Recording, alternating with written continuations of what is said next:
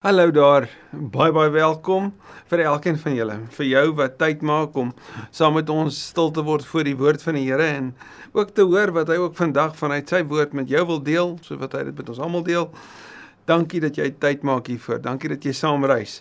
Vir al die nuwe mense wat saam deelneem in hierdie reis, van harte baie baie welkom. Ons kry steeds weekliks nuwe mense wat bykom en ons is regtig regtig dankbaar onthou die uitnodiging. Deel asseblief wat jy hier kry as dit vir jou sinvol is en vir jou van waarde is, asseblief deel dit en onthou ook die die notas is beskikbaar.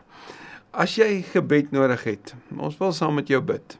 Ons leef in 'n wêreld wat so seer is. Die onlangse aardbewings daar in Turkye en Sirië, die onlangse aardskuddende opmerkings en visuele van die Grammys, ag, net alles om ons wat vir ons so wys hoe ons wêreld bloei, bevestig vir ons een baie baie belangrike ding en dit is dat ons het die Here nodig, ons het die evangelie nodig en ons het mekaar nodig. Soos ook daar vir mekaar wees. En daarom wil ons saam met jou bid. So asseblief stuur vir ons jou versoeke. Ons het 'n groep mense wat groot groep wat elke week by name bid, maar ook saam saam reis en ons weet hoe kan ons ook op hierdie manier in mekaar se lewe belê. Miskien is jy aan die ander kant van die wêreld en jy sê hoorie, maar maar ek wil deel wees van 'n groep. Onthou ook ons het ook aanlyn selgroepe, omgee groepe. Stuur asseblief net jou e-pos as jy so 'n versoek het en ons kyk by watter groep ons jou by kan inskakel. Maar daar's groepe ook wat in op ander tye bymekaar kom en net dalk is dit presies in die tyd geleef wat vir jou sal werk. Kom ons bid saam dat die Here ook vandag sal seën. Vader, ons het bidtend vandag hier ingestap. Ons het bidtend voorberei en ons wil bidtend nou saam wandel. En ons doen dit alles bidtend omdat Jesus U ons geleer het dat dit is hoe ons die lewe leef. Ons begin vanuit gebed en ons begin vanuit dankbaarheid soos ons dit ook by Paulus leer. Ons wil U dankie sê. Ons wil aan U die dank bring vir hierdie oomblik. Asseblief Here, kom en wees aan die woord. U weet hoe kompleks, wonderlik mooi en goed, maar ook ingewikkeld is hierdie pragtstuk van 'n boek Romeine. En hoe ons met groot omsigtigheid wil omgang met die woord en ons wil bid daarom dat U ook vandag vir ons sal lei. Dit vir ons sal duidelik maak en ons sal help om dit ook oop te breek in ons eie lewe, in ons lewe en ons wandel in die wêreld wat ons elke dag betree. In Jesus se naam. Amen. Ons het by die tweede deel van Romeine 2 aangekom. Paulus het van vers hoofstuk 1 vers 18 tot en met en hy gaan met ons saamgaan tot by hoofstuk 3 vers 20 een groot probleemstelling op die tafel gesit. Hy volg hierdie diatribe styl wat ons noem die vroedvrou metode waarin hy deur vraagstelling en argumentering die leser lei tot die ontdekking van nuwe waarhede.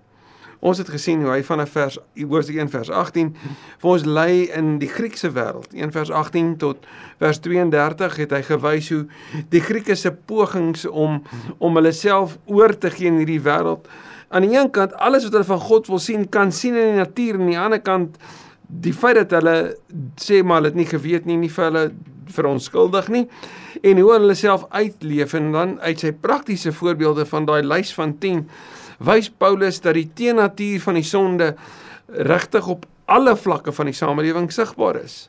En en hoe hoe die die ramp van die sonde uiteindelik skeiding gebring het tussen mens en God. Hoofstuk 2 vers 1 tot en met 3 vers 8 pak Paulus weer die effek van die ramp van die sonde op die Jode uit. Hy sien wat is die Jode se antwoord? Die Grieke het hulle het die antwoord op die sonde het hulle gebring deur aan die een kant weg te kruip agter gnostisie, hierdie sogenaamde geheime kennis en daarmee saam 'n uh, 'n lewe van welis en natuurlik van alles wat teen die natuur is van hoe God die God van die natuur ons geskep het om te wees en en uit dit daarin uitgepak. Van hoofstuk 2 vers 1 af kom wys Paulus dat die die Jode se antwoord op die probleem van sonde is weer iets heeltemal anders. Dit is hierdie hierdie wetgewing en hoe hulle agter die wet weggekruip het en die, die wet gebruik het om neer te kyk op die Grieke. Hoe hulle gesê het maar ons doen darm nie dit nie. Hierdie heidene, ons leef darm nie so nie. Ons maak nie soos hulle nie en waarin Paulus dan vanaf vers 2 hoofstuk 2 vers 1 vir hulle wys maar enige iemand wat ander oordeel is maar net so skuldig. En dan wys hy nog op die erge deel daarvan. Hy sê vir hulle maar nie net nie net wys julle dit nie, julle neem ook daarin deel. Maar wanneer hy in 2 vers 11 uiteindelik voor ons vandag met ons gedeelte stil staan, ehm um, by 'n punt kom dan sê hy maar julle moet net mooi weet, julle wat wegkruip agter die wet, julle moet weet God trek niemand voor nie. So as 'n ware om te sê maar die Jode is nie bevoordeel of meer bevoordeel as die ander nie. Paulus is besig om vir die Jode te kom wys dat dit wat hulle gebruik as 'n verskoning toe nooit 'n verskoning was nie. Dit wat hulle gebruik as 'n valse versekering, naamlik dat hulle God se uitgeverkore volk is, hierdie een groepie wat die wet en die besnydenis het en daarom altyd altyd vrygespreek sal wees deur die Here. Hulle kan maak net soos wat hulle wil. Hulle kan neerkyk op mense net soos wat hulle wil. Hulle kan allerlei verskriklike opmerkings oor ander maak. Hulle is vry van enige vergelding soos wat Prediker 8 vers 11 sê, omdat hulle daar nie straf is nie, gaan mense net voort in om te doen wat hulle doen. So die Jode met daai persepsie het Paulus sê maar julle moet weet God trek niemand voor nie. Met ander woorde, ons almal het hierdie probleem van sonde. En hy bou dit verder op op pad na 3 vers 20 toe wanneer hy uiteindelik die oplossing vir ons gaan bied. Hoofstuk 2 vers 12. Almal wat sonder die wet van Moses gesondig het, sal ook sonder die wet verlore gaan. Nou het ons in hoofstuk 1 vers 18 tot 32 gesien wie die almal is, die heidene is wat nie die wet ontvang het nie, maar wat in die teenatuur van die sonde hulle rug gedraai het op God. En onthou mooi, Paulus beskryf die probleemstelling. Die oplossing is altyd vanaf 1 vers 17 tot 3 vers 20 en verder, naamlik wat die evangelie dat die wat in Christus glo verlos word en dis al hoe jy gered kan word die alternatief wat gebied word, naamlik die Grieke en die Jode se vorm waarmee hy hier argumenteer, wys hy daarop dat dit is nie suksesvol nie. Hulle gaan verlore. Hierdie woord vir wet is die Griekse woord nomos. Paulus gebruik dit nie minder as 80 keer nie. Sommige sou sê dat wanneer Paulus hierdie woord wet gebruik, dan ver, verwys hy na die 10 gebooie en dis hoogs waarskynlik so. Anders sou sê nee, hy verwys na die totale wette kompleks van die van die Jode wat 613 wette sou wees. Dis moontlik so. Anders sou sê nee, hy verwys na die eerste 5 boeke van die van die Ou Testament wat basies die storie van Israel se uittog vertel. Daai 5 boeke wat bekend staan as die Torah. Die Torah wat natuurlik ook die wet later geword het. Die Torah wat soos 'n pyl en boog beteken om reguit te skiet en jou presies by die teiken te bring. Maar Paulus sal wys maar die die sonde uh, maak dat jy nie die die teiken tref nie. Die sonde is juis nie Torah nie. Dis juis teen dit. So watter weet verwysing het Paulus hier in gedagte? Wel kom ons gaan op die hoogs waarskynlike en dit is dat die Jode het gesê hulle het die wet en die wet is eerstens die 10 gebooie en dan is dit die Torah, hulle storie. So ander wat nie deel in hierdie storie nie, was die buitestanders en die Jode het hulle self juis hoor gesien en hoor geplaas verhewe ge, geplaas bo ander oor die storie van die Torah wat in die Grieks natuurlik nomos is. Almal wat sonder die nomos is, sou ook sonder die nomos verlore gaan. En almal wat onder die nomos gesondig het, onder die wet gesondig het, dis vanaf hoofstuk 2 vers 1 tot 11 en verder. Oor hulle sal dan volgens die wet geoordeel word. En Paulus wys daarop dat almal wat onder die wet staan nie aan die wet voldoen nie en daarom veroordeel sal word. Nie die wat die wet hoor word deur God vrygespreek nie. Nou die woord in die Grieks vir hoor daar eh, is is die woord akroateis en en en dit verwys na na iemand wat na 'n lesing luister. Maar dit nie noodwendig volg nie. So dis nie 'n disipel nie. Dis iemand wat net in 'n in 'n gesprek is en hoor wat iemand sê. So Paulus kom sê hierdeur dat pas op. Die mense wat dink hulle gaan sit in die gehoor en net geluister na die geklank van die woord, maar dit nie gaan leef nie. Hulle word nie gered nie. Hulle word nie vrygespreek nie, maar, maar wie word? Maar die wat doen wat die wet sê, sal vrygespreek word. Nou hierdie wet kan ons sien dat Paulus sê wat jy van God kan weet, hoofstuk 1 vers 18 tot 32, is binne mense se bereik, want die wat dit nie gehoor het nie, kan dit in die natuur sien. Maar die wat die wet gehoor het, hulle moet dit leef. En en natuurlik sê ek of vra maar sê Paulus dus hierdeur en hier's waar dit bietjie kom gekompliseerd kan raak sê Paulus dus hierdeur dat deur goeie dade te doen kan jy vrygespreek word.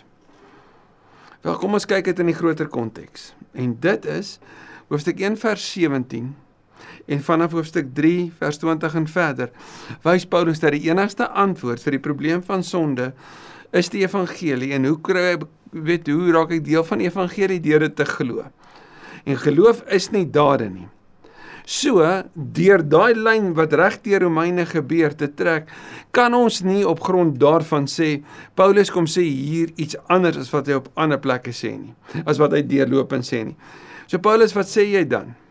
Paulus sê dat as jy 'n nuwe mens is, dan leef jy soos 'n nuwe mens en dit word sigbaar en dan word jy vrygespreek. Nie jy leef sodat jy 'n nuwe mens kan word nie. Jy leef sodat jy ergens vrygespreek kan word nie. Nee, jy het geglo. Daarom is jy vrygespreek. En omdat jy vrygespreek is, leef jy so. En omdat jy so leef, bewys dit. Jy sal vrygespreek word. Dis Paulus se argument regdeur. Die wat dit doen, natuurlik, die wet Jesus in Johannes 13 vers 35, hy gee vir ons 'n nuwe mandaat, 'n nuwe wet en wat is dit? Nie dat ons mekaar sal lief hê soos ons onsself liefhet nie, maar dat ons mekaar sal lief hê soos hy ons liefhet. Dis op 'n hele hoër vlak. Dis 'n nuwe wet. En om volgens daai wet te leef is om van jouself te sterf. En dis die mense wat so leef wat vrygespreek sal word. Matteus 5 tot 7 sê juis vir ons hoe radikaal God se grondwet is en hoe nodig ons hom het. Vers 14 Wanneer heidene wat nie die wet het nie, tog van self dinge doen wat die wet vereis, is hulle vir hulself 'n wet al het hulle nie die wet nie. Wat sê Paulus hierdeur? Hy sê daar's 'n morele kode wat heidene het wat wys dat hulle volgens die wet leef. Wat hy daardeur vir die Jode kom wys is, julle wat so wegkruip agter julle wet. Julle wat so sê, ons het ons wet, maar ons kan hier wegkruip. Dit maak ons beter as ander. Weet jy wat? Julle het die wet en julle leef nie so nie.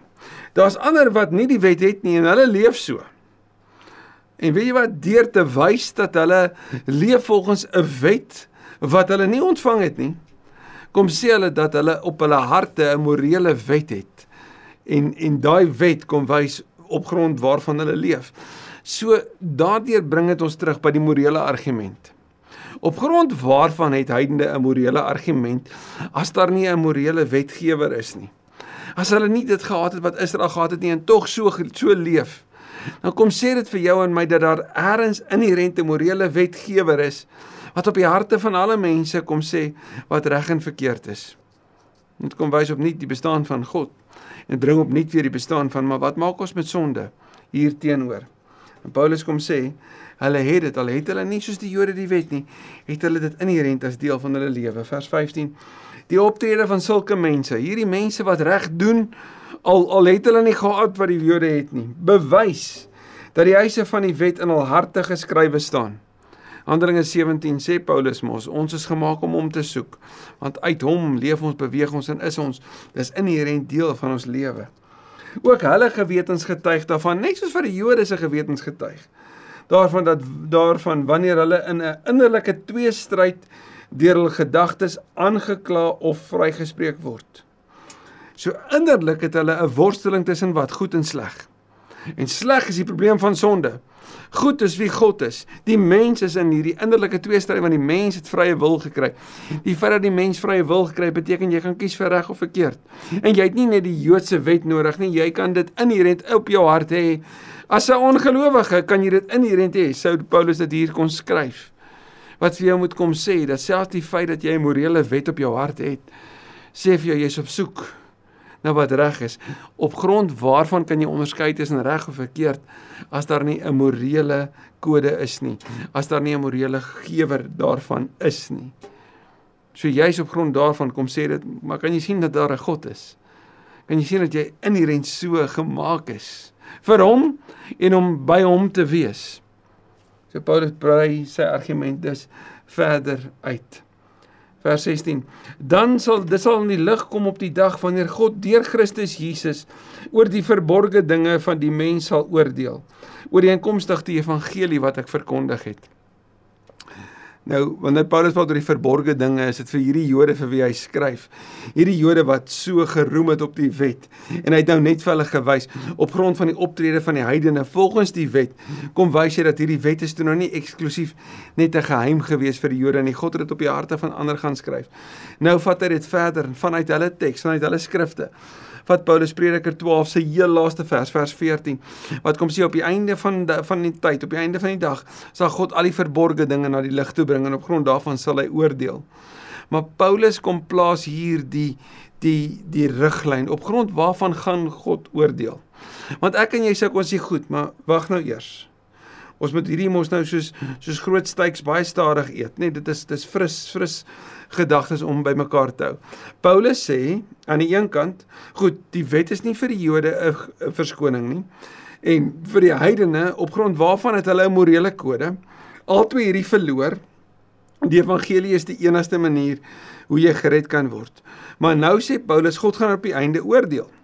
Volgens jou dade. Nou sal gelowiges kan sê, ja, wat jy hier doen gaan op die einde van tyd geoordeel word. Maar volgens wat? Word te geoordeel volgens my dade is ons almal verlore.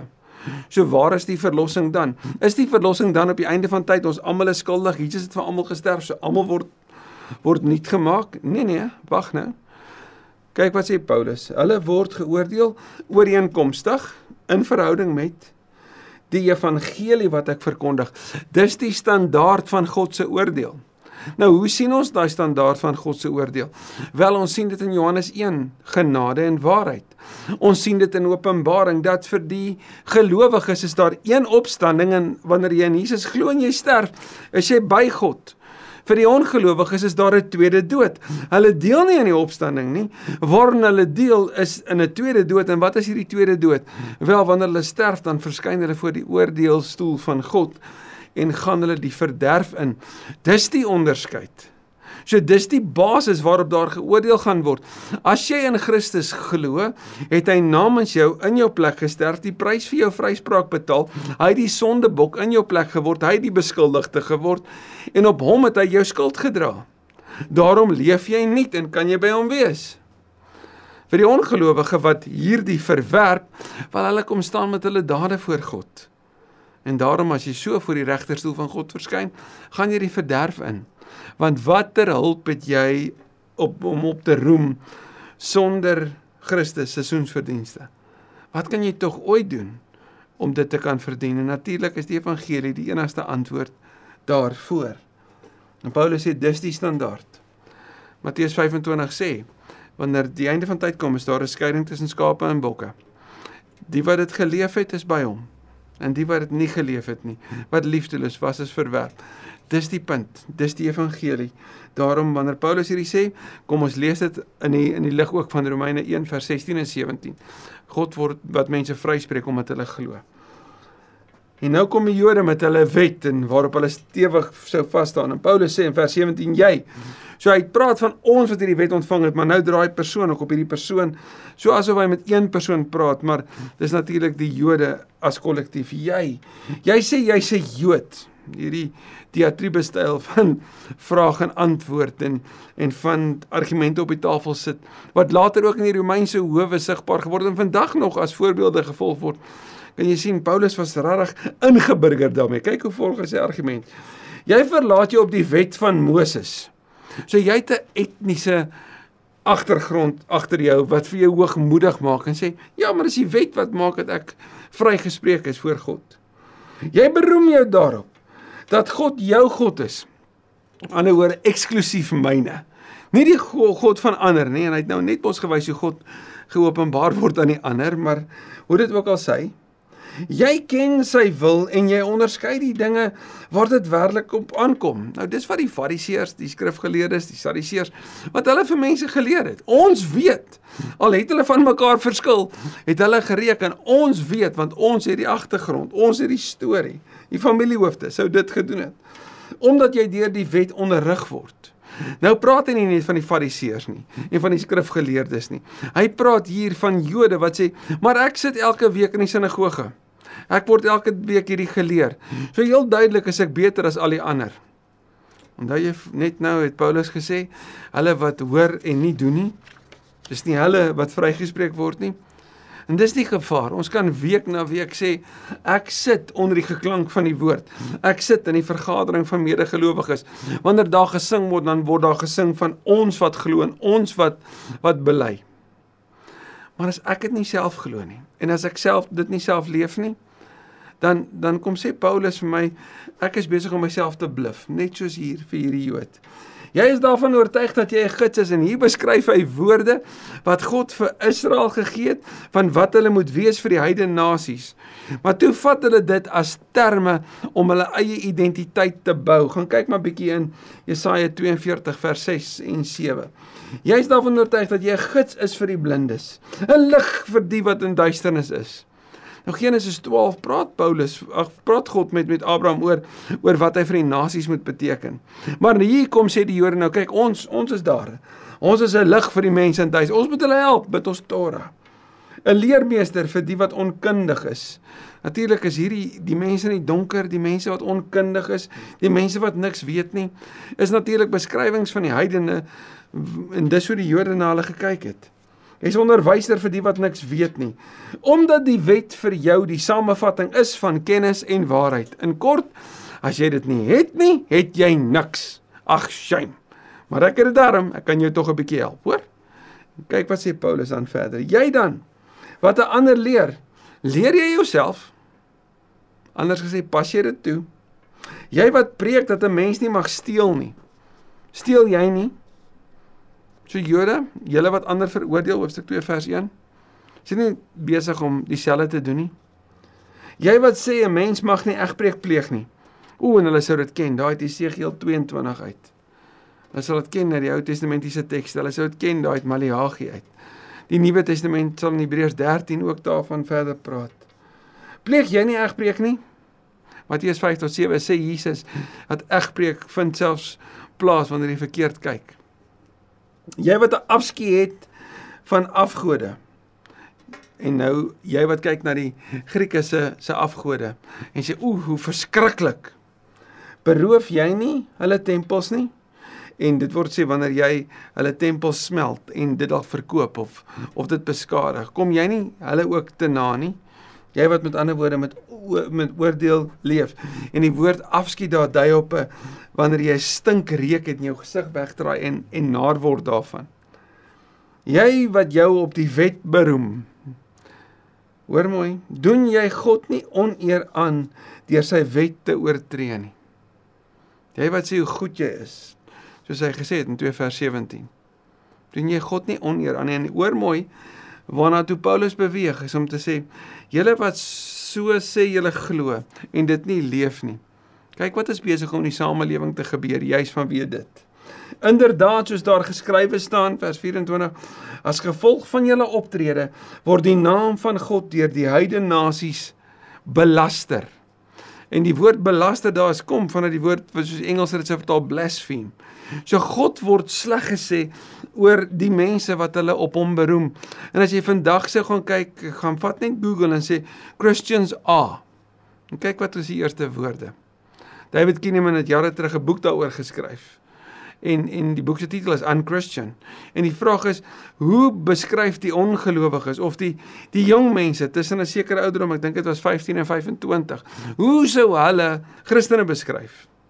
Ek gaan kyk 'n bietjie na wat hy sou sê. So tog word die optrede van mense wat sê hulle bely dat Jesus die Here is en en Jesus self word bymekaar gebring. Want daar word gesê as dit is hoe God se mense is, wel dan is dit hoe God is. Nie waar nie? As dit is hoe die Vader is vir sy kinders is dan wel dan is dit hoe die Vader is. En Paulus kom sê op grond van julle en en, en hy haal dit dan aan, nê? Op grond van julle optrede word die naam van God belaster. Gaan kyk maar 'n bietjie daar in Jeremia 8. In die wêreld van van die Bybel is die die Joodse geskiedskrywer Josefus skryf hy oor oor 'n Joodse man, 'n bedrieër wat wat 'n klomp mense daar in Rome bedrieg het. En deur sy bedrog het dit teweeggebring dat keiser Tiberias die Jode uit Rome verban het vir 'n tyd lank en geweld teenoor hulle gepleeg het. So dit wat Paulus hier skryf, dit was naby aan die velle van daai 60000 Jode in Rome ten tye van die skrywe van Rome ag van die brief van die Romeine. Vers 25 die besnydenis nou die Jode het weggekruip agter die wet en hulle het weggekruip agter die besnydenis.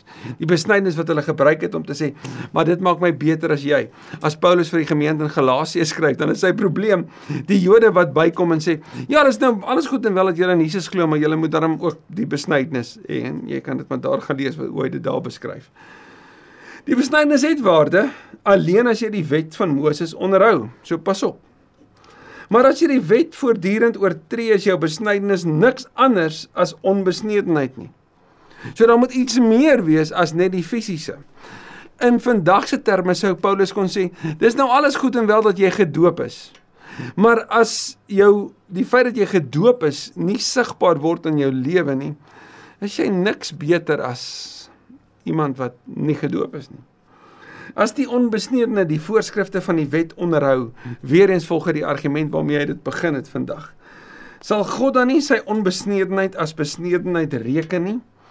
En kyk wat sê Paulus. Julle wat sê dat julle besny is en nie so leef nie, wys dat julle eintlik onbesneeden is. 'n Onbesneedene wat reg leef, wys eintlik dat hy besny is. So is daar nie 'n ander antwoord nie. So eintlik om sê vir die Jode, julle wat dink julle is beter as eintlik in julle optrede is julle slegter as die goeie mense van die Grieke.